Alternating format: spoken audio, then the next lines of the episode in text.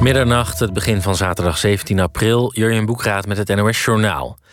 De 19-jarige Amerikaan die donderdagavond acht mensen doodschoot bij een pand van bezorgdienst FedEx in Indianapolis was een oud medewerker die kampte met psychiatrische problemen. Binnen een paar minuten schoot de man acht oud-collega's dood, waarna hij zelfmoord pleegde. Vandaag werd bekend dat de FBI hem een jaar geleden heeft verhoord nadat zijn moeder had gemeld dat hij plannen zou hebben om door politiemensen te worden doodgeschoten. De FBI concludeerde toen dat er geen gevaar van hem uitging, maar nam wel een shotgun in beslag. In Leeuwarden hebben duizenden fans van Cambuur de avondklok massaal genegeerd na de winst van hun club op Helmond Sport. Cambuur is door de overwinning vrijwel zeker van promotie naar de eredivisie. Duizenden supporters hadden zich daarom op het plein bij het Cambuurstadion verzameld. Niet alleen de avondklok werd overtreden, ook hield men zich niet aan de afstandsregels. Nadat de selectie zich op het bordes had laten toejuichen, riep trainer Henk de Jong de fans op te vertrekken. Rond 11 uur was het plein weer leeg. Ziekenhuispersoneel onder de 60 kan vanaf volgende week toch een vaccin krijgen, meldt het ministerie van Volksgezondheid. Het personeel met direct patiëntencontact had eigenlijk al deze week gevaccineerd moeten worden, maar omdat het Janssen-vaccin voorlopig niet wordt ingezet, kon dat niet. Aanstaande dinsdag komt het Europees Geneesmiddelenbureau EMA met conclusies over het risico op bloedstolsels bij het Janssen-vaccin. Als het EMA negatief oordeelt, zal nu voor de ziekenhuismedewerkers het vaccin van Pfizer worden ingezet. Dat is te danken aan een meevaller die vandaag bekend werd. Nederland krijgt de komende tijd extra Pfizer-vaccins geleverd. Het weer. Vannacht in het binnenland lichte vorst en enkele mistbanken. Morgen eerst vrij zonnig en koud. In de middag ontstaan stapelwolken. Het blijft droog en het wordt maximaal 10 tot 13 graden. Dit was het NOS Journaal. NPO Radio 1. VPRO. Nooit meer slapen.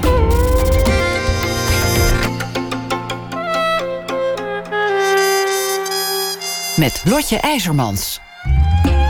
Welkom bij Nooit meer slapen. Vanavond is uh, onze gast schrijver Saskia Goldschmidt. Ze schreef romans als De Hormoonfabriek, De Voddenkoningin... en meest recentelijk in 2018 Schokland... over een boerderij in het aardschokgebied Groningen. En dat laatste boek verschijnt volgende maand in Engeland... en ook haar andere boeken zijn in meerdere landen vertaald. Maar vandaag is het de gast voor het werk van iemand anders... namelijk van de Joodse Renata Lacoeur... Haar verslag Dagboek uit Bergen-Belsen verscheen deze week opnieuw. Goldschmidt zorgde ervoor dat dat gebeurde. Ze onderzocht het origineel en de eerder gepubliceerde versie. En ze schreef het voor- en het nawoord. En iedereen die Goldschmidts debuut, het familieportret Verplicht Gelukkig heeft gelezen, begrijpt dat zij daar ook de aangewezen persoon voor was. Want de echtgenoot van Lacoeur in het eh, concentratiekamp was Goldschmidts vader Paul. Saskia Goldschmidt werd geboren in Amsterdam in 1954 in het tweede huwelijk van haar vader. Ze was 30 jaar lang theatermaker en docent, maar sinds 10 jaar wijdt zij zich geheel en al aan het schrijven van boeken. Ze is bijna 40 jaar samen met haar man en moeder van twee volwassen kinderen en grootmoeder van één kleinkind. Welkom Saskia. Dank je. Leuk dat je er bent. Wie was Renate Lacoeur voordat zij Bergen-Belsen inging? Um, ik vind de mooiste omschrijving van Renate gaf eigenlijk Rinske Koelewijn, die het dagboek las en zei: eigenlijk was ze een soort Joop ter Heul.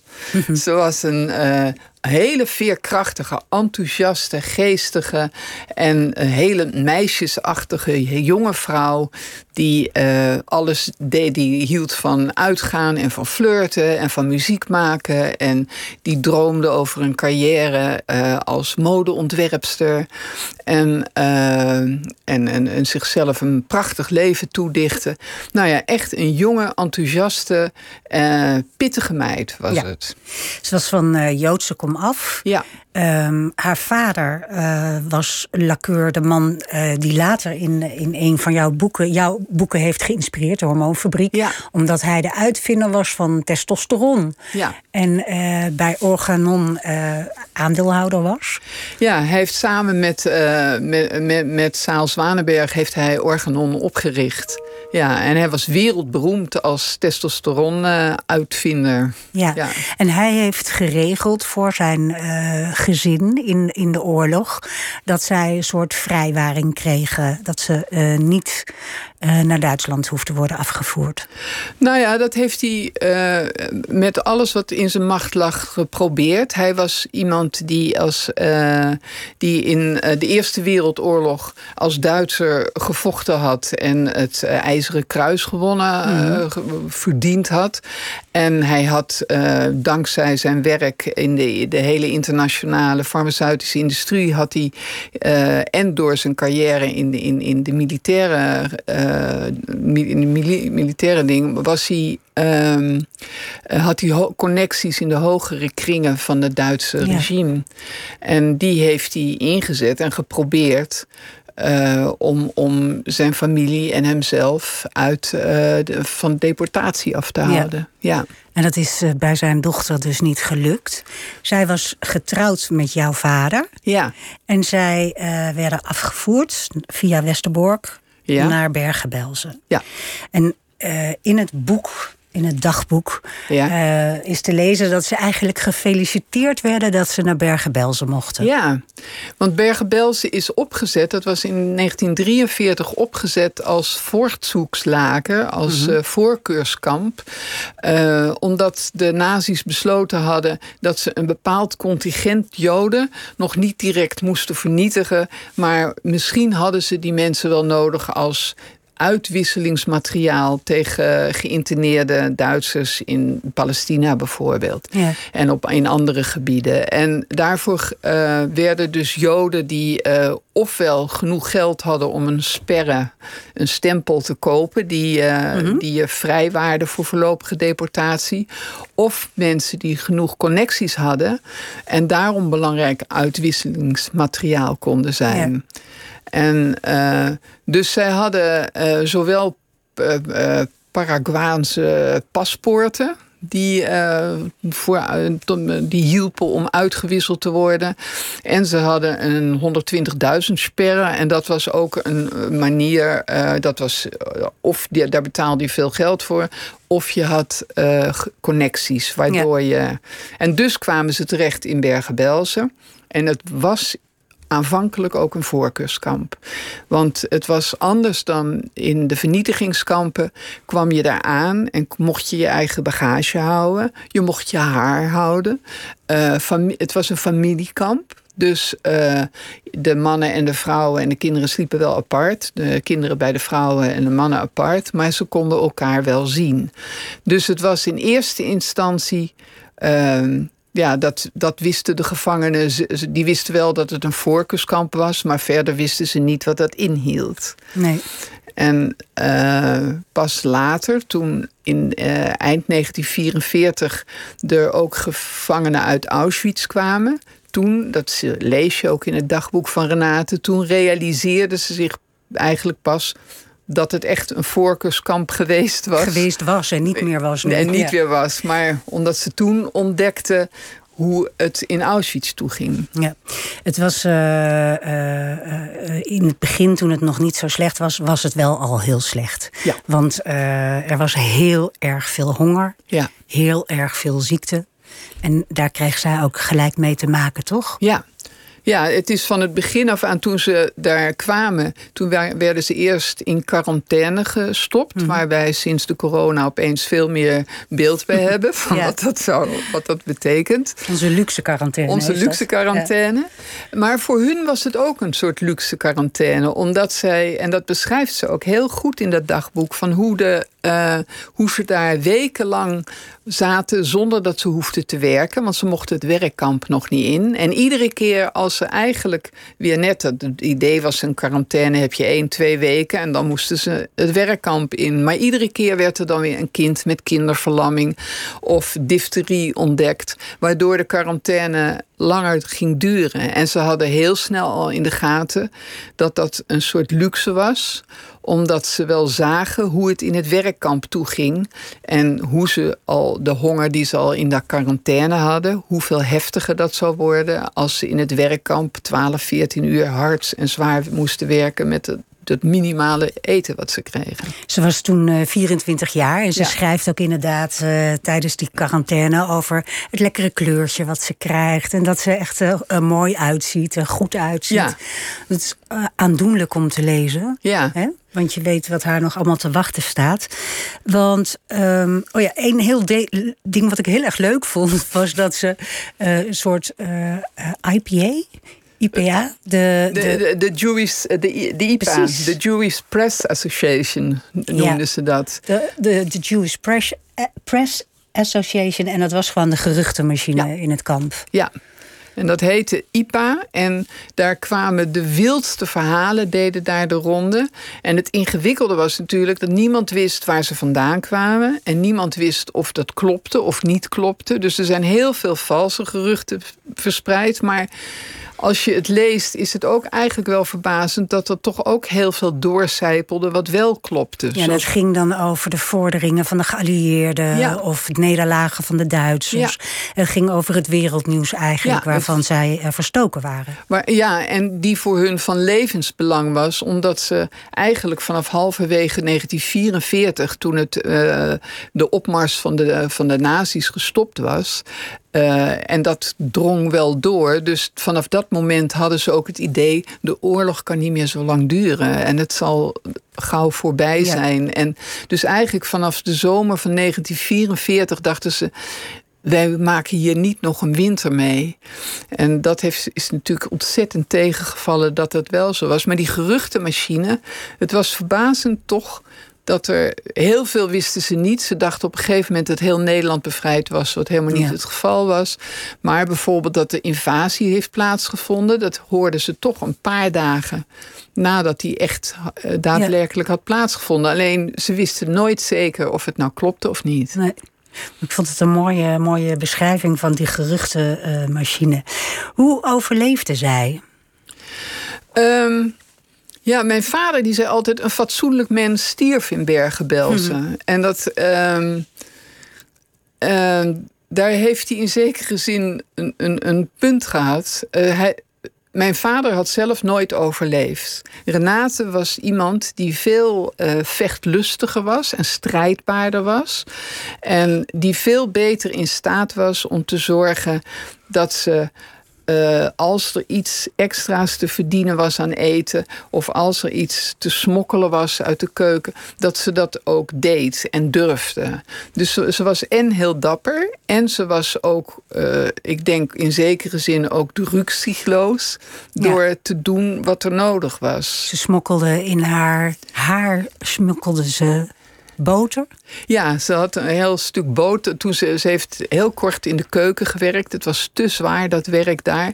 Maar daar, toen heeft ze inderdaad boter in haar... Ze had heel dik donker haar. En dat zat, als ze in de keuken werkte... hadden ze een haarnet erover. En dan had ze een pak boter daarin in verstopt. Nee, dat, of dat, ik geloof dat dat suiker was. Maar de boter oh. had ze in de BH gedaan. En toen werd er uh, de SS'er die hun controleerde bij het weer weggaan uit de keuken.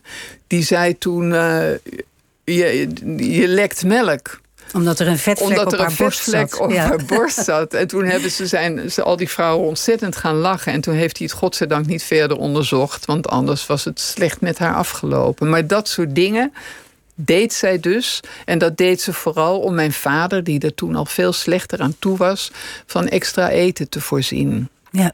En uh, dat was een voorwaarde om te overleven.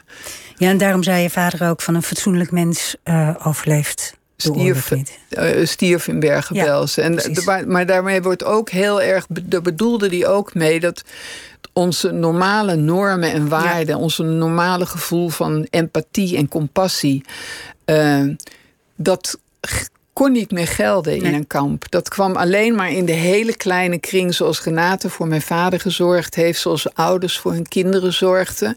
Daarbuiten kon je dat medeleven niet hebben. Want dan. Niet veroorloven. Je kon het je niet veroorloven. Het was een soort luxe eigenlijk. En uh, dat, dat, in, in het dagboek beschrijft Renata ook op het moment dat de capo's komen. Uh, dan zijn er ook vrouwen. We moeten misschien even uitleggen ja, wat capo's wat zijn. Ja, ja in, in uh, december 1944, toen werd Jozef Kramer de kampcommandant van Bergen-Belsen. En hij was tot dan toe kampcommandant in Auschwitz ge geweest. Maar omdat de Russen, de Sovjets oprukten daar in het oosten, was, werd Auschwitz toen leeggehaald en werd hij kampcommandant daar. En hij nam de capo's mee. En dat waren criminelen en soms politieke gevangenen, die vaak al sinds 1933 gevangen werden gehouden. En dat waren dus hele heftige, zware jongens die een uh, gruwelijk regime volvoerden ja. uh, in dat kamp. En die alles deden. Wat, het was een spel van wie had de macht. En die capo's hadden verschrikkelijk veel macht. Die controleerden de werkcommando's, die controleerden de, e, de voedseluitdeling. Dus die hadden een enorme macht. En daar werd. Uh, uh, en die gebruikte ook vrouwen. Dat waren vaak mannen die sinds 1933 geen vrouw meer gezien hadden. Dus die deden alles waar, waar, ze zin in hadden. En uh, daar werden ook de vrouwelijke gevangenen die vonden daarin vaak een manier om zichzelf en hun mannen of hun kinderen ja. uh, van extra eten te voorzien. En dat is wel grappig, want in het dagboek uh, oordeelt uh, Renate Laceur daar vrij mild over. Ze zegt van, je, zij heeft het zelf niet gekund. Maar nee. um, ze zegt van ja, dat, die, die vrouwen deden dat ook om hun geliefde gewoon ja. uh, in ja. leven te houden. Maar dat is eigenlijk is dit een voorbeeld van één van de manieren waarop je probeerde jezelf of je, en, je, en je geliefdes in leven ja. te houden. En een andere manier was inderdaad eten uit de keuken jatten.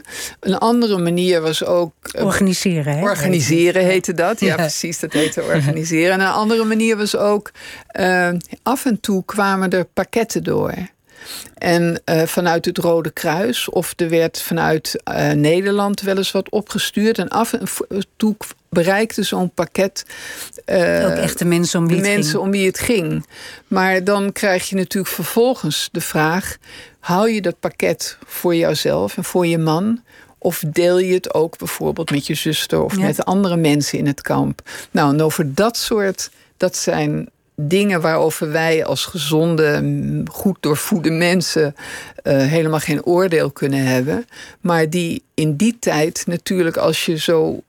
Als je dat allemaal verdeeld zou hebben, dan zou je niet overleefd hebben. Nee. En dat zijn, de, dat zijn de dingen waardoor mijn vader na de oorlog, toen hij eenmaal geen honger meer had en weer met een andere normen en waarden naar zijn vroegere zelf kijk, keek en naar hoe Renate gehandeld had, zij een fatsoenlijk mens stierf ja. in Bergen-Belsen.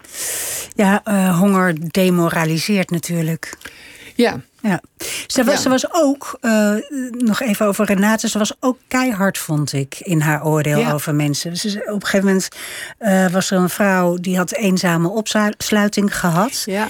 En die was daar uh, heel hysterisch over, vond, vond zij. Want het leek haar ook wel eens lekker een paar dagen alleen in een bunker. Ja, en ze, ze, zij was er inderdaad heel hard oordelend over. Ook terwijl uh, die vrouw had wat, uh, die werd in de bunker gestopt omdat ze geprobeerd had iets te koken voor haar kindje. Ja. En uh, nou, ik, ik, ik, kan me heel goed voorstellen dat je compleet hysterisch wordt als je dan in een bunker gestopt wordt en, en je kind is aan de weet ik wie overgeleverd in die wereld. Dus ik kon me daar heel veel bij voorstellen. En zij was daar inderdaad heel hard in de oordeel over.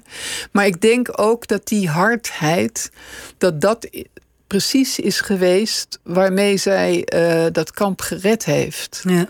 Dat is. Uh, uh, het heeft dat is eigenlijk ook weer de empathie. Je kan je niet veroorloven om empathie te hebben. Als nee. je in die situatie en in die omstandigheden leeft. Ja, uh, um, er was een uh, beroemde psychiater die ook Ischa Meijer behandelde. Bijvoorbeeld Louis Tas. Louis Tas, die zat ja. ook in Bergen-Belsen. En die zei tegen jou: Je vader heeft niet zozeer onder de moffen geleden, maar onder Renate. Ja, ik kwam, ik kwam uh, toen ik voor mijn eerste boek, Verplicht Gelukkig, toen ik, uh, heb ik ook onderzoek naar hem gedaan. Of uh, heb, ik, heb ik een gesprek met hem gehad. En, toen zei hij, ik was nog niet binnen of hij zei dat. Je vader die heeft niet zozeer onder de moffen geleden, maar veel meer onder een naten.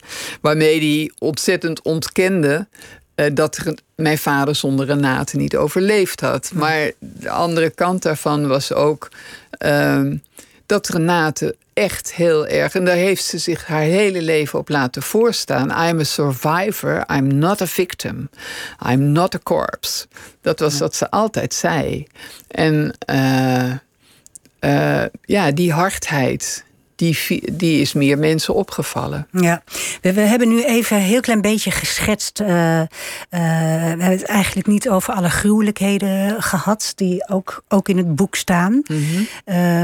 um, maar dat laat ik even aan de fantasie van, uh, van de luisteraar. Um, wat ik zo opvallend vind aan het boek is uh, dat ze bepaalde dingen heeft weggelaten. Dat heb ja. jij uitgevonden. Ja, ik had. Uh, mijn vader zei vroeger altijd: als, als we nieuwsgierig waren aan iets over Berbel, zei, dan zei hij altijd: kijk maar in het dagboek van Renate, daar staat alles in.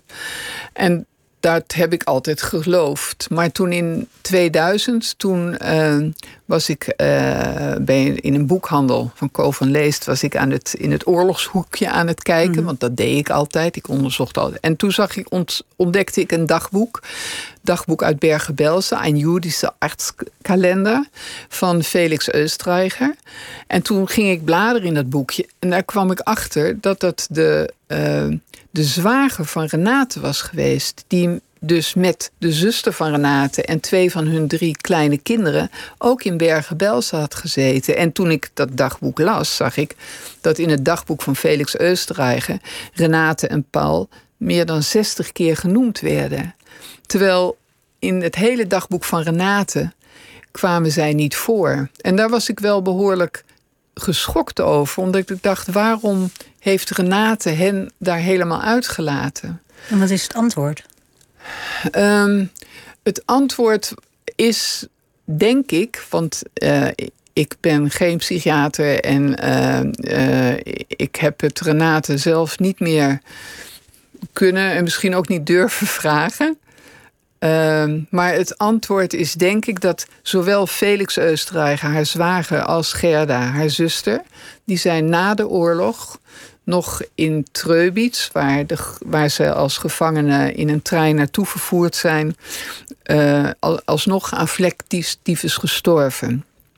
En uh, ik denk dat de overlevingsschuld van Renate uh, uiteindelijk uh, haar zo dwars heeft gezeten dat ze die uh, zuster, vooral die zuster en de zwager, uit haar uh, weggefilterd heeft. Maar een heleboel, uh, een heel groot deel van het dagboek heeft ze geschreven in Bergen-Belsen. Ja, en ik, heb, ik dacht ook toen ik, ik heb onderzocht of in het origineel, het geschreven ja. origineel, of daar wel de zuster en, en Felix genoemd werden. En uh, pas na afloop, toen bleek dat zij niet overleefd hebben, dat ze, dat, dat ze toen dat eruit geschreven heeft. En dat was niet het geval. Of tenminste, er zijn twee pagina's uit die schriftjes gescheurd. Dat zou kunnen dat daar iets in gestaan heeft, maar dat is nooit te bewijzen. En ik, denk dat zij die zuster en die kinderen en die zwager al in het kamp gewoon inderdaad gewist heeft. Als iets ja. van, daar ga ik ook zoiets van, ik kan daar geen empathie mee hebben. Ik moet me focussen op mezelf en op Paul en that's it. En, en, en dat dat voor haar de enige manier is geweest om te overleven. Maar dat dat achteraf toch ook heel zwaar is geweest. Waarom? Um, ja, dat moet haast wel. Dat ja. moet haast wel. Ja. Um, jij bent op een rare manier met dit boek in aanraking gekomen. Want um, Ja, dan moeten we even terug eigenlijk naar, naar het gezin waarin jij opgroeide. Ja. Ehm, waarin dit boek eigenlijk voor jou, je zei het net al, een soort de encyclopedie van het leed van jouw vader was. Hè? Ja. Jouw vader had in Bergen-Belsen gezeten en zei alle, bij alles wat je wilde weten. Kijk maar in het boek van Renate. Is dat de reden dat jij het zo belangrijk vond dat het opnieuw uitgegeven werd? Uh, nee, want dat is een hele particuliere Precies. reden. Um, ik vond het heel belangrijk dat het opnieuw uitgegeven werd omdat ik, uh, ik heb het als kind dus heel veel gespeld, heb ik het. Ja. Ik, dat moest ik van mezelf, om uh, zo te, een poging te wagen... zo dicht mogelijk bij die ervaringen van mijn vader te komen. Maar toen ik voor het onderzoek van mijn debuut... Uh, het opnieuw ben gaan lezen, toen ontdekte ik ook... ja, maar het is een heel goed geschreven boek. Het is een literair boek. Het is een literair boek. Het is niet alleen een getuigenis... wat sowieso al heel belangrijk is, maar het is een heel goed geschreven boek. En het is inderdaad een, een literair interessant boek. En uh, naarmate de mensen die het hebben meegemaakt uh, deze verhalen niet meer vertellen kunnen, denk ik dat het des te belangrijker is voor ons en voor onze kinderen om te blijven lezen over wat zich toen heeft afgespeeld. En, uh, en ook denk ik dat dit verhaal vond ik ook ontzettend belangrijk, omdat het verhaal, een verhaal van een vrouw is. Er zijn ja. toch veel minder boeken, directe getuigenissen van vrouwen. En ook omdat door de manier waarop ze het beschrijft, het heel makkelijk is om je met haar te identificeren. Omdat we allemaal wel uh, als jonge, enthousiaste mensen denken bij wat tegenslag van. Uh, kom op, we zijn sterk, dit kunnen we aan, we gaan, hier gaan we doorheen, we, hier slaan we ons doorheen. En hoe je dan getuige bent van de, de, de verwording en de ontmenselijking van, van de situatie waar ze zich in bevinden. En hoe de gruwelijkheden die zich dan uh, voordoen. En dat vind ik ontzettend goed beschreven. Ja, dat is zeker. Het, het, het, het mooiste vond ik. Uh, ik heb het hier nu niet bij me met een briefje of zo. Maar uh, de scène waarin zij voor het eerst uh, groep naakt douchen. Ja. Met een aantal vrouwen. Ja. En zij, zij, zij beschrijft dat eigenlijk waardoor ik een soort filmbeeld voor me zie.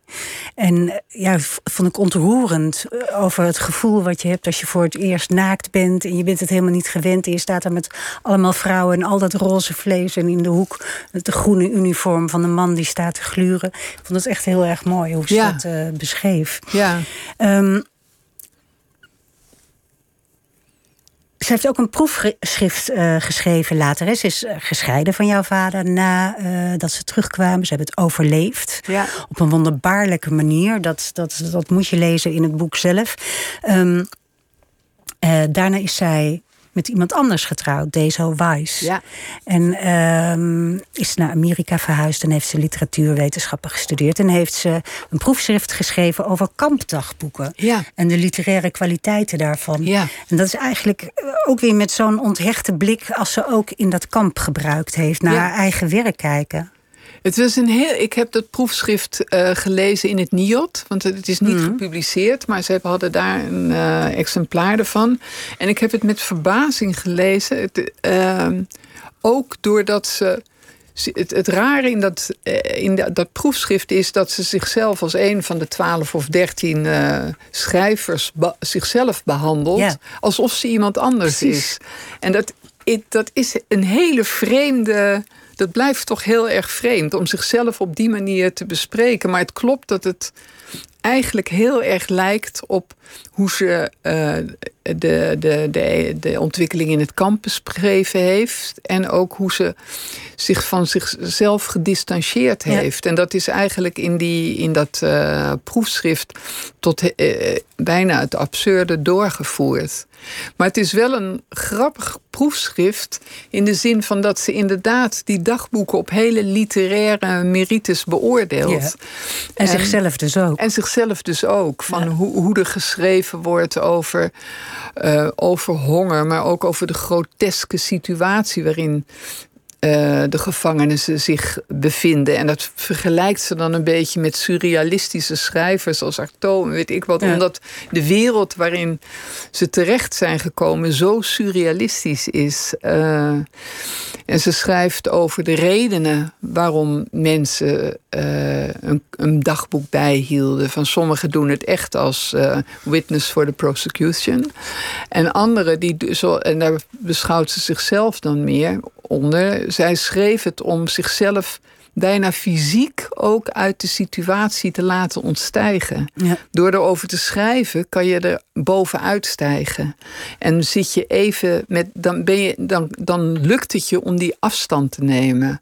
Ja. En dat was voor haar een belangrijke reden om, om dat dagboek bij te houden. En voor veel anderen ook.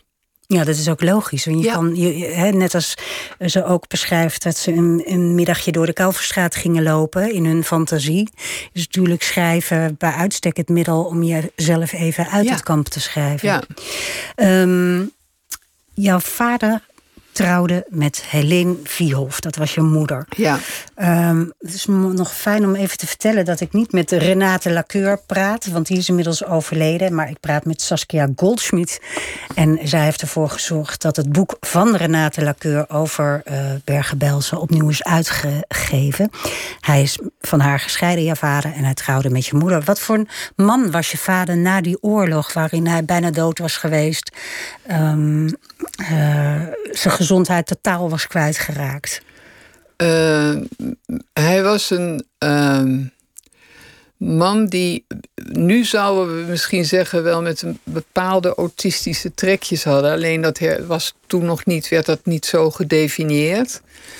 Uh, het was iemand, hij was heel bedachtzaam. Uh, hij was heel gedistanceerd, ook in zijn emoties. Uh, hij was heel goed in observeren. Maar uh, hij, was, hij kon zichzelf niet aan ons als kinderen echt hechten en binden. Hij, kon, hij heeft zich volledig op zijn werk gestort. Hij was een heel bijzondere uh, logopedist en spraaktherapeut.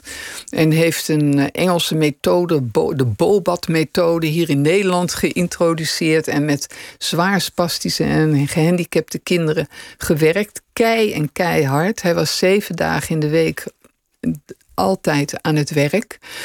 En dat was een manier ook om. Uh, uh, hij moest zich nuttig maken. Voor de oorlog was hij bijvoorbeeld ook, heeft hij heel veel uh, fluit gespeeld, dwarsfluit. Hij was fluitist ook en hij was daar goed in. En uh, na de oorlog besloot hij dat dat veel te, dat dat niet, niet nuttig genoeg was. Te frivol. Dat was te frivol. Hij moest zich werkelijk nuttig maken. En dat heeft hij met verven gedaan. En hij is, was een, uh, hij is heel belangrijk in zijn vak geworden. Maar uh, het was een, voor ons een heel onbereikbare vader. En bovendien een vader die altijd ontzien moest worden. Hoe werkte dat? Dat werkte sowieso dat we hem nooit mochten storen bij iets. Want dat werk was altijd heel belangrijk. Dat is natuurlijk ook heel erg in jaren 50 ja, ding. Het is niet alleen maar. Uh, we kunnen niet alles op de oorlog uh, teruggooien. Um, maar het, het, het, werkte ook zo dat dingen als boosheid niet mochten bestaan. Dat wij dus ook geen ruzie onderling mochten maken met mijn broers en zusje. Uh, en het, het werkte ook zo dat heel vaak we, uh, als we emotioneel aroused waren of met, met, met, iets thuis kwamen. Van moet je nou horen dit of dat? Dan kon mijn vader echt je met één klap tot zwijgen brengen. Door te zeggen van ach, als je hebt moeten wachtlopen bij de stapels lijken, dan kan je daar niet zo over opwinden. Waardoor je ontzettend het gevoel altijd kreeg dat jouw emoties en de dingen die, voor, die jij voelde, van totaal ondergeschikt belang waren. Want alles werd altijd afgemeten aan de standaard van Bergen-Belsen. Aan het aller, allerverschrikkelijkste. Het allerverschrikkelijkste. Dus dat. Uh, nou ja, dat heeft ons wel heel erg bepaald ook. En uh, ik herinner me dat mijn vader op een gegeven moment heeft hij een psychologisch rapport gevonden. Wat in de jaren dertig van hem gemaakt was. Omdat hij, had een lees- en schrijfstoornis en een rekenstoornis. Was, uh, en hij was. Hij had zich laten onderzoeken. En mijn vader kon na de oorlog heel, eh, nou ja, al, op oudere leeftijd echt heel tevreden zeggen dat hij al voor de oorlog contact gestoord was. en daar was hij echt heel tevreden over. En toen heb ik nog wel eens een keer tegen hem gezegd: Nou, ik denk niet dat Bergenbel ze echt geholpen heeft. Maar ehm, voor hem was dat een uh, heel prettig. En hij was daar diep tevreden over, omdat hij dus in zijn optiek niet vervormd was door dat kamp. Het grappige is dat eigenlijk heeft iedereen zijn eigen narratief. Hè? Iedereen maakt zijn eigen geschiedenis. Zoals Renate gewoon uit haar dagboek haar zus weglaat. Ja. En jouw vader had, uh, heeft als excuus dat hij altijd al zo was. Ja. En iedereen maakt eigenlijk zijn eigen verhaal continu. Ja, maar dat doen we natuurlijk allemaal. Tuurlijk. We, maken, we, creëren allemaal, dat is het motto van Verplicht Gelukkig ook. Iedereen creëert de werkelijkheid waarmee die leven kan. Ja. En dat heeft hij zeker ook gedaan. En ik heb wel later ook gedacht dat het voor mijn vader misschien inderdaad nog minder minder heftig is geweest, dat kamp, dan bijvoorbeeld voor Renate, omdat hij al zo gedistanceerde persoonlijkheid had. En dus in die zin zichzelf veel minder heeft moeten losscheuren van de normale menselijke emoties dan uh, iemand als Renate. Ja. Je, wat, wat, wat deed het met jou dat je vader zo onbereikbaar was? Um, dat, wat, wat, wat, wat er met kinderen gebeurt, is dan dat ze denken dat het aan jou ligt. Dat het, ik, dus ik heb al heel lang gedacht dat het aan mij ligt. Dat ik niet belangrijk genoeg was, dat ik niet interessant genoeg was. Dat ik beter mijn best moet doen, moest doen. Uh, dat, het, uh, dat ik moest zorgen dat ik contact met hem kreeg. Ik ben, ik ben een tijd ook als. Uh, op een gegeven moment wist ik hoe ik dat zou gaan doen. Ik zou ook logopedist worden. En dat heb ik hem toen meegedeeld. En toen heb ik verteld dat ik dat van plan was. En toen kreeg ik inderdaad eventjes contact met hem. En toen zei hij: Nou, als je het leuk vindt, dan kan je meegaan naar mijn patiënten en zo. Dus toen ben ik een tijdje echt met hem meegelopen. Uh, tot ik daar helemaal gruwelend van weggelopen ben na een hele nare ervaring in een kinderthuis. Waar allemaal horrorachtige kinderen lagen met enorme waterhoofden. En waar mijn vader ook inderdaad weer zo taal, totaal gedistanceerd en afstandelijk. Ja, deze heeft uh, deze papa. En ik alleen maar in een soort verlamming van gruwelijkheid naar die monstertjes keek. En hij totaal niet mijn ontzetting voelde en zag. En na die, na die uh, gebeurtenis heb ik het opgegeven. En toen ben ik, heb ik afstand van hem genomen. En toen ben ik in een verschrikkelijke puber veranderd. Je hebt, je hebt je vanaf dat moment dacht je van... Nou, ik heb nu alles geprobeerd om hem te benaderen op zijn voorwaarden. Hè? Nou, dat is je dat als elfjarige kan nee, bedenken. dat is dan weer te rationeel bedacht. Ik, ehm, ik denk gewoon dat ik... Ik heb het opgegeven. Ja. En, en heb uh, afstand van hem genomen. En pas veel later uh, ben ik me daar echt in gaan verdiepen. Wat er nou, hoe, in wat voor manier mij Tuurlijk, dat. Als kind kan je, kan je dat, dat nog niet beredeneren. Um, je had het net over overlevingsschuld. Maar er is ook enorme sprake van schaamte. Ja, ja. Dat is net, net anders toch dan overlevingsschuld. Um, ja, schaamte gaat verder. Louis Tas heeft gezegd over die. Dat, dat is die psychiater dat van. Die psychiater, uh, maar die ook een vriend van mijn vader was. En die mijn vader ook een keer het leven gered heeft in het kamp. Dat hoorden we ook wel vaak. Door een keer hem te ondersteunen. Maar Louis Tas zei altijd dat kampoverlevenden of de, de, uh, zich vooral zo geschaamd hebben over het feit dat uh, ze zich zo hebben laten vernederen. Door de Duitsers? Ja, door de nazi's, ja. Dat dat een, uh, een, een, grote uh, drijfveer voor die schaamte was. En ook, zei hij ook, dat, dat door die schaamte... dat je eigenlijk de empathie voor ja. jezelf verliest. Ja, ja dat, vond, dat is een hele mooie uitspraak die denk ik heel waar is. Dat je door die schaamte uh, nou ja, die empathie voor jezelf niet kan opbrengen. En dat is iets, die schaamte, die hebben wij ook, of die heb ik in ieder geval heel erg overgenomen. En, Hoe uh, werkte dat dan? Nou, bijvoorbeeld dat ik me altijd. Ehm, eh, het feit dat ik nachtmerries had. Mijn vader die zei altijd: Ik heb jullie nooit met de oorlog willen belasten. En dat nee, was hij vertelde er niet over, zeg maar. Nee, maar aan de andere kant was Bergen-Belsen altijd daar. Dus, uh, maar dat was echt een oprechte wens van hem. Maar als kind wordt het een opdracht.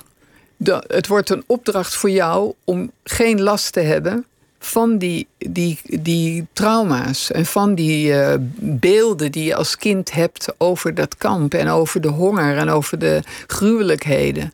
Maar die had ik natuurlijk wel. Maar dat was iets waar ik me dan enorm voor schaamde omdat ik had het niet eens meegemaakt. Mijn vader streefde naar om mij daar niet mee te belasten. Dus het was een. Ik mocht daar ook geen last van hebben. Dus je als kind betrek je alles op jezelf. Het grappige is dat ik net vanavond van een broertje van mijn jongere broertje Michiel, die stuurde me nog een artikeltje toe. Waarin uh, onderzocht is en waaruit gebleken is dat uh, de kinderen van oorlogsslachtoffers genetisch de stresshormonen van hun ouders uh, meekrijgen. Dus dat het dat hele streven van mijn vader, wij hebben, ik, ik heb jullie niet met de oorlog willen belasten, dat dat een oprecht streven is geweest, maar dat het zelfs in fysieke vorm ja.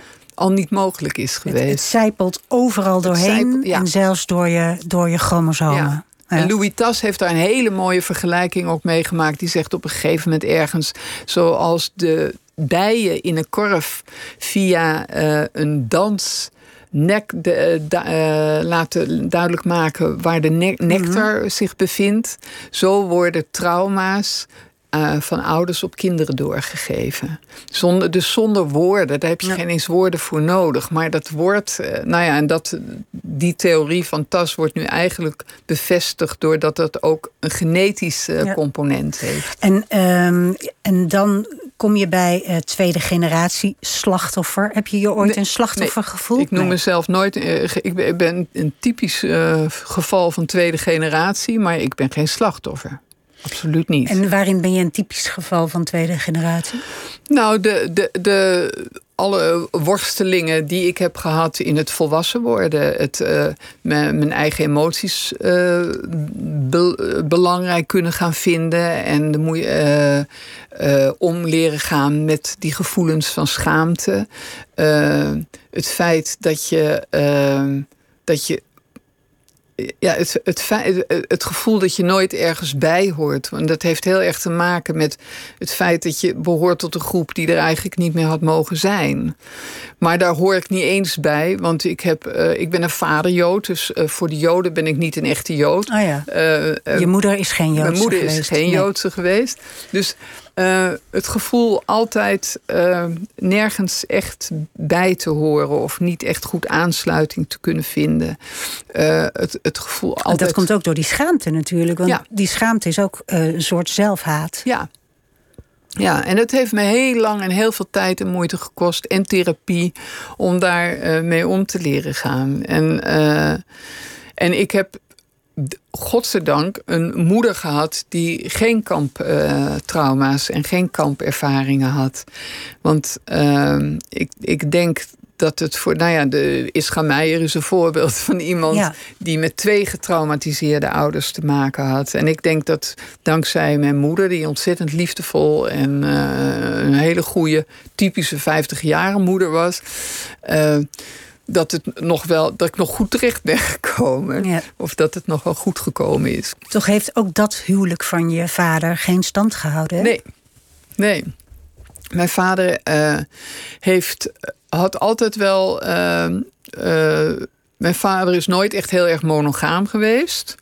Hij was, uh, wat dat betreft, zei, uh, kon hij uit, uitgebreid roepen dat hij niet in monogamie geloofde. Maar hij maakte ondertussen wel uh, enorm gebruik van het feit dat hij wel in een heel 50 jaren huwelijk zat, waarbij mijn moeder alles. Dat je moeder wel monogaam was en alles regelde. Ja, precies, ja. Dat, was, dat kwam ja. er wel handig uit. En tegen de tijd dat. en de, de, tragiek is geweest dat mijn vader als logopedist op een gegeven moment slechthorend werd. Wat natuurlijk een drama is. Het is Je oren zijn je instrument. En op dat moment kreeg hij een baan aangeboden in Duitsland, of all places, om op de hogeschool van de, de, voor fysiotherapie en spastische kinderen les te komen geven. en dat is hij gaan doen. En hij heeft toen wel nog gezegd van... Uh, als ik last van trauma's krijg, dan ben ik weg. Nou, hij kreeg helemaal geen last van trauma's. Hij werd aanbeden daar. Terwijl mijn moeder net, het was jaren zeventig... mijn moeder begon een beetje feministischer te worden. Die begon een opleiding, die ging bij het Humanistisch Verbond werken. Was niet meer zo idolaat van hem als hij altijd geweest was. En toen uh, kreeg hij een relatie met een studente... die wel heel idolaat was... En daar heeft hij een heel goed huwelijk 40 jaar lang mee gehad. Bedoel, dus, met een Duitse dus? Met een Duitse, ja, met de Duitse. Maar zijn moeder was natuurlijk ook Duits. Ja, hij, hij, was, uh, hij, hij kwam uit Duitsland ooit. Maar nou, hij toch... niet. Zijn voorouders. Precies, ja, maar, en zijn moeder ook. Ja. Maar hij was een echte Amsterdammer. Hij was een Amsterdamse Jood. Ja. Ja, maar ik bedoel, het, het heeft hem je kan het je eigenlijk niet voorstellen dat hij in Duitsland is gaan wonen en met een Duitse vrouw getrouwd is. Een ontzettend burgertruttige buitenwijk van Essen. Echt, uh, echt heel erg dat je denkt, maar waarom ga je hier wonen? Hij zei ook altijd, uh, als hij dan naar Amsterdam kwam, hij logeerde vaak bij ons in ons mhm. gezin. En dan zei hij altijd, oh, die lucht is hier zo fijn. Want in Duitsland is de lucht zo zwaar. Ja, hij woonde midden in het Roergebied, dat wil je ook. dus, um, maar het is, ja, wij vonden dat allemaal heel erg. Um, maar daar, hij had daar helemaal niet zo'n last van. En dat... Hoe oud was je toen je vader wegging? Uh, ik was toen ook al uit huis. Ik was iets van 17 of 18. Ja, ja, dus je puberteit waarin je je vader had opgegeven. Ja. Eh, hoe ben je die dan nog doorgekomen in dat gezin met die vader? Uh, nou, kijk, van mijn vader hadden we natuurlijk eigenlijk geen last, want hij was er bijna nooit. Hij was altijd aan het werk. Ik heb het mijn moeder heel moeilijk gemaakt als puber. Ik ben echt uh, als 12, 13-jarige ben ik uh, voor het uh, stopte ik met naar school gaan en, dan zat ik bij het voor het Amerikaanse consulaat te protesteren tegen de oorlog in Vietnam en ging ik naar Paradiso en ging ik, deed ik alles wat, wat niet mocht. en had ik ook, ik heb een jaar lang thuis niets gezegd. En dat is natuurlijk eigenlijk het ultieme Protest, ja. Ja, het ultieme protest. Als je niet boos mag zijn, als je niet weet wat je met die gevoelens van woede moet en van onmacht en weet ik wat. Ja, wat kan je dan beter doen dan je mond maar houden? Maar voor mijn moeder en mijn broers en zusje is het wel heel gruwelijk geweest. Dan was ik, kwam ik thuis van de Love Ins in het Vondelpark, waar ik liefde predikte. En dan kwam ik thuis met een zaggerijnige kop en uh, dan vroeg mijn moeder: Hoi schat, hoe heeft het geweest? En dan zei ik niks. Dus ik ben een afschuwelijke puber geweest. Toen ik zelf kinderen kreeg, dacht ik echt: oh god, laat ik niet, laten ze niet zo worden als ik zelf eh, geweest ben. Maar wat heeft jou bevrijd van die schaamte en die woede en die um, zelfhaat wellicht ook? Ik ben op een gegeven moment theater gaan maken. En dat heeft me, dat heeft me ontzettend bevrijd. Doordat ik toen uh, andere rollen kon gaan spelen en andere met, kon experimenteren met emoties mm -hmm. en met uh, verschillende gevoelens en met relationele hoe je met dat he, het is voor mij een soort enorme experimentele tuin geworden waardoor ik ontdekt heb wat ik uh, ja wie ik was. Het heeft me echt eigenlijk. En, en daarna ben ik naar de Academie voor Expressie gegaan. Dat wie je was of wie je kon zijn? Allebei, denk ik. Alle, eh, eh, mhm. En wie ik was. Uh, en voor een deel was dat ook iets wat ik achter me wilde laten. En dat ik eigenlijk iemand anders wilde zijn. Ja. En dat heb ik wel. Uh, daar is die opleiding wel verdomd goed voor geweest. In de jaren, zo begin jaren zeventig. Dat was natuurlijk allemaal juist heel erg aan jezelf werken. En zo het was een en al sensitief. Praten, praten en voelen. En dingen. En voor mij is dat wel goed geweest. Omdat ik daarmee wel heel veel heb kunnen doorwerken. En wat toen ook gebeurde in de jaren zeventig, was dat we op een gegeven moment van mijn vader allemaal het boek kregen Children of the Holocaust van Helen Epstein. En dat was het eerste boek wat ik las. Dat ging over de gevolgen van trauma, oorlogstrauma, kamptrauma op de, de volgende generatie. En dat was voor het eerst dat ik me realiseerde: oh, ik ben niet gek. Want dat dacht het was altijd mijn individuele gekte en mijn individuele schaamte, mijn dit en dat. En ik dacht, oh nee, maar het, het, dit hoort bij, de, nou, dat hoort bij, bij de situatie dat, waarin je opgroeide. Precies. En dat was en dat mijn vader ons dat gegeven heeft, was voor mij ook belangrijk. Want eigenlijk zei hij daarmee: Ik heb jullie niet met de oorlog willen belasten, maar ik geloof niet dat het helemaal gelukt is. Toch duurde het nog tot, tot uh, een burn-out na je vijftigste. Ehm, voordat je echt een beetje in die familiegeschiedenis gedoken bent. Ja. Waarom kon je er toen niet meer om, omheen? Omdat ik toen, voor, uh, tot die tijd, heb ik me enorm gericht op, uh, op, op leven, op een leven opbouwen, op een relatie opbouwen, uh, kinderen, mm. een carrière in het theater.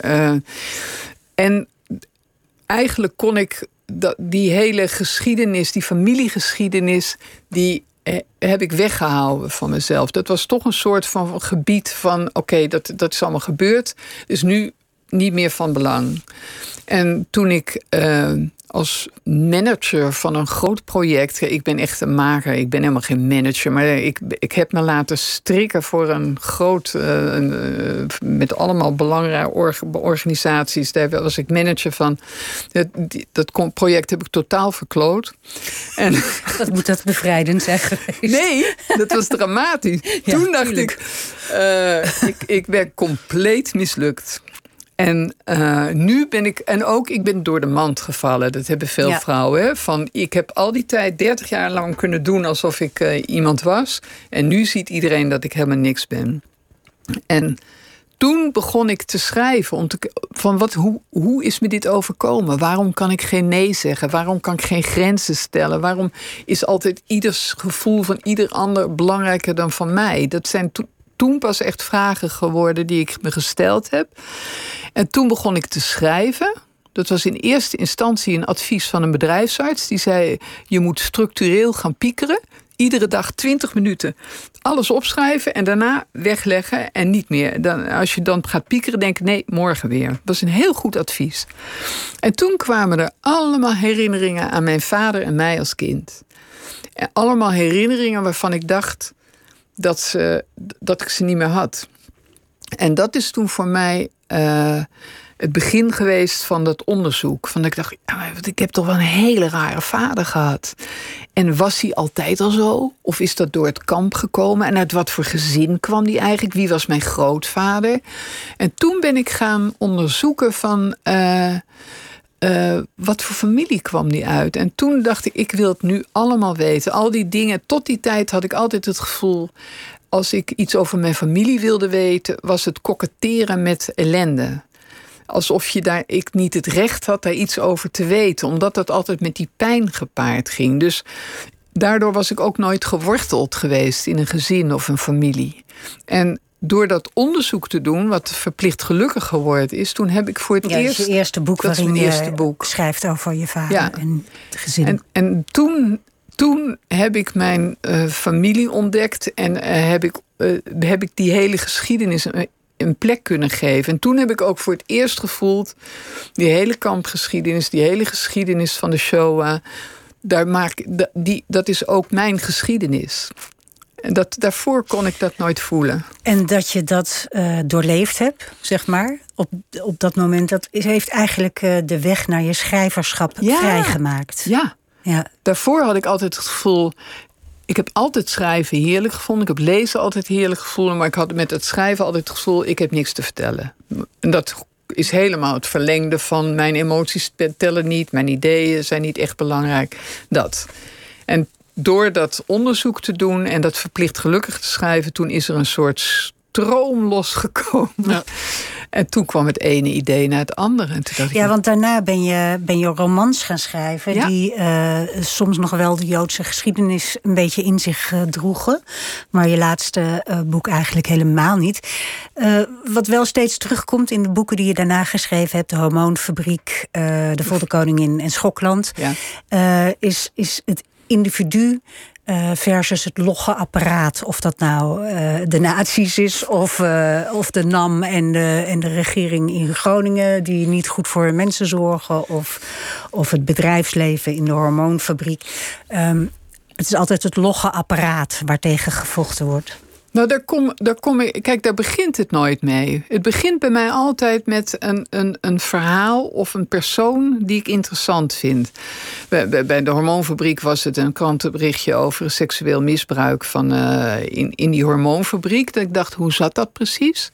Eh, bij de Voddenkoningin was ik getriggerd door het eh, levensverhaal van Laura Dos. Die is begonnen te handelen in tweedehands kleding. Bij Schokland was het de nieuwsgierigheid van hoe ouders en kinderen het samen op zo'n boerderij die die kinderen gaan overnemen, hoe ze dat bewerkstelligen. Eh, terwijl ik zelf ouder van kind ben waar ik enorm van hou. Maar ik, op een gegeven moment komt er een leeftijd dat je denkt... jongens, ga wieberen en ga je eigen fouten maken... en ik hoef het niet meer allemaal te zien. Dat eh, en hoe doen, die, hoe doen ze dat op zo'n boerderij? Nou, dus het begint altijd bij een persoon... Iets particuliers. Of iets particuliers. Maar Ja. als je dan echt erin gaat verdiepen echt aan gaat verdiepen hoe de machinaties werken, hoe mensen werken, waar ze tegen te vechten hebben, dan kom je uiteindelijk ook altijd bij een samenleving en een maatschappij en jammer genoeg ook bij corrupte bendes uit of bij een totaal doorgeslagen economie die de hele foute kant uit gaat of door, bij een vervuilende industrie of wat, nou ja, noem, ze, noem het allemaal maar op. En ja, en, en dat, spe- dat krijgt dan ook een rol in het verhaal. Ja. Het begint bij het particuliere. Voor, voor Schokland, eh, de roman uit eh, 2018, ben je naar Groningen verhuisd, naar, naar Middelstum. Terwijl je toch echt een, een meisje uit Amsterdam Zuid bent. Ik, ik, ben- ja, ik ben ras-echte Amsterdam-Zuid-type. Wat, wat, wat bracht Middelstum jou en, en wat, wat bewoog je er, eh, om daarheen te gaan? Alleen het boek? Eh, Nou, ik hield altijd al van het Hoge Land. Want ik, ik, ik heb vrienden daar en ik kwam er al 30 jaar. Dus het was. eh, en, en ik kreeg daar, omdat ik daar vaak eh, vertoefde, het idee om te gaan schrijven over die ouders en kinderen op een boerderij. En toen dacht ik wel, ja, maar dan wil ik hier ook echt zitten. Want ik doe altijd heel intensief onderzoek voor een onderwerp. Maar ik dacht, als ik ga schrijven over boeren op het, op het land hier, dan moet ik de seizoenen meemaken. Dan moet ik door die klei banjeren. Dan moet ik door die ijskoude wind. eh, en da- dan moet ik echt hier leven. En toen heb ik het ontzettende geluk gehad dat ik een heel prachtig huisje in de middle of nowhere op het erf van een voormalige boerderij kon huren. Met kilometers uitzicht en vogels en rietland en die wolken. Nou, een, een plekje waarvan ik dacht, hier ben ik een paar maanden. Maar toen ik er eenmaal bezig was en eh, aan het onderzoek doen eh, en aan het schrijven ging, dacht ik, nee, ik moet hier minimaal een jaar zitten. Nou, ik huur het huis nu nog steeds. Het is nu mijn schrijvershuis geworden. Dus ik, en het- wat het mij geeft is eh, de ruimte en eh, de eenzaamheid. Ik vind het ook echt heel erg heerlijk. Ik hou ongelooflijk van mijn geliefde. Maar het is ook heerlijk om daar helemaal in je eentje met dat schrijfwerk bezig te kunnen zijn. En daardoor die klei te banjeren of te fietsen. En die vogels te kijken. Dus ik, ja, en dat doe ik trouwens ook met mijn geliefde samen daar ook hoor. Dus. eh, het, het, het, ik, eigenlijk, ik ben een ontzettende bofgrond. Ik heb nu en het leven in Amsterdam. Met, eh, en tegenwoordig ook nog met een kleinkind. en ik heb dat. eh, Je het, hebt, je hebt je eigen narratief gemaakt. Ja. Ook. Ja, ja, nu als schrijver. ja. Ehm, eh, denk je dat je ooit nog. ehm, je, je bent nu tien jaar eh, schrijver Ja. eigenlijk. Hè? Ja. Dus eh, de- je bent 66, maar net begonnen eigenlijk. ja. Ehm, ben je een ander mens geworden door schrijver te zijn? Ehm, ja, dat denk ik wel. Eh, ik heb meer zelfvertrouwen gekregen. En eh, ik ben gaan geloven dat dit echt is wat mij te doen staat. En dat heb ik toch altijd met alles. Ik heb dingen heel goed, ik heb heel veel dingen heel goed gedaan. Maar nooit zo het gevoel gehad dat ik zo samenviel met het werk wat ik graag doe. Ehm, dus ja, en, en, en, en ik heb een vak gevonden wat ik kan blijven doen tot ik neerval. En dat vind ik ook een heel erg. Want wat daarin lijk ik misschien toch ook wel een beetje op mijn vader. Dat het werken, dat geeft mij ongelooflijk veel vrijheid en ruimte. En dit kan ik blijven doen. Ja, zolang je gezond bent in je hoofd. Hè? In mijn hoofd, ja. Je kan best zonder benen schrijven, maar uh, ja. je moet wel gezond van verstand blijven. Ga je ooit nog uh, uh, aan de Joodse geschiedenis in je boeken werken? ja, ik merk dat het toch altijd, zeker nu weer met dit boek over Renate, ik merk gewoon dat ik, uh, dat, dat toch mijn, mijn, mijn basis is. Ja. En dat dat mijn, soort, mijn, mijn core business is. Dus ik heb een uitstapje gemaakt en ik weet nog niet hoe, ja, hoe, maar dat zal altijd terugkomen. Ja, voor nu was het uh, jouw voorwoord en nawoord bij Renate Laceur, dagboek uit Bergen-Belsen. Fijn dat je er was, Saskia Goldschmidt. Maandag is Ronin de Goede te gast bij Pieter. Hier zo direct op deze zender, podcastgids Vink met Milou Brand, Stan Putman en Vincent Bijlo. Op Radio 1. Het nieuws van alle kanten.